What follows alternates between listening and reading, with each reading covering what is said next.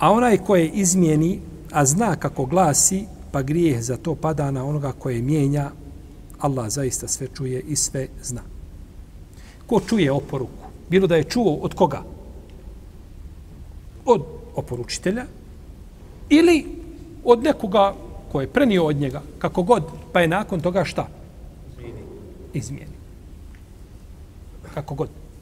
Čuo sam jednog od naših šehova, kaže, tako je babo nešto oporučio i on je došao i ubjedio babu da, da bude oporuka kako treba. Nemoj živ bio, nemoj, na, nemoj pečat udariti naopako pred smrt svoju. I ubjedio babu i babo je napravio oporuku kako će biti. I nakon što je babo umro, sin hoće najstariji drugačije da uradi. I ovaj mušeh ode ponovo, kaže, ja sam babom razgovarao, babo je rekao drugačije. Kaže, grijeh, kaže, meni zavrat. Kaže, nemoj živio. Kaže, Allahova kazna meni zabrat.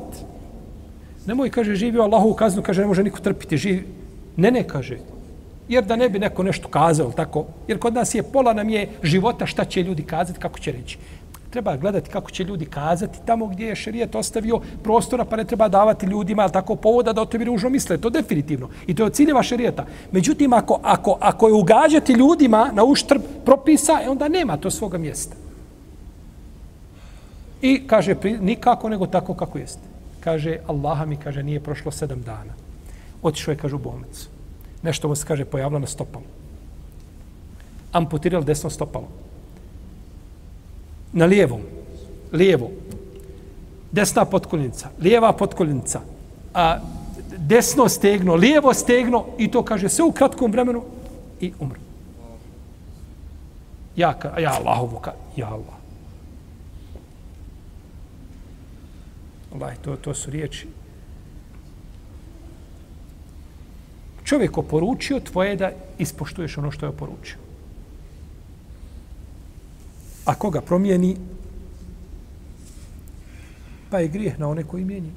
Grijeh te može, može taj grijeh da vidiš negativnost na ahiretu, može biti na dunjaluku, može na dunjaluku i na ahiretu, a može tu uzvišenje Allah oprostiti. Ne znaš šta te čeka. I ovdje najgore što nije on to uradio onako, jeli, nego opomenut si nemoj i ti opet šta? Činiš.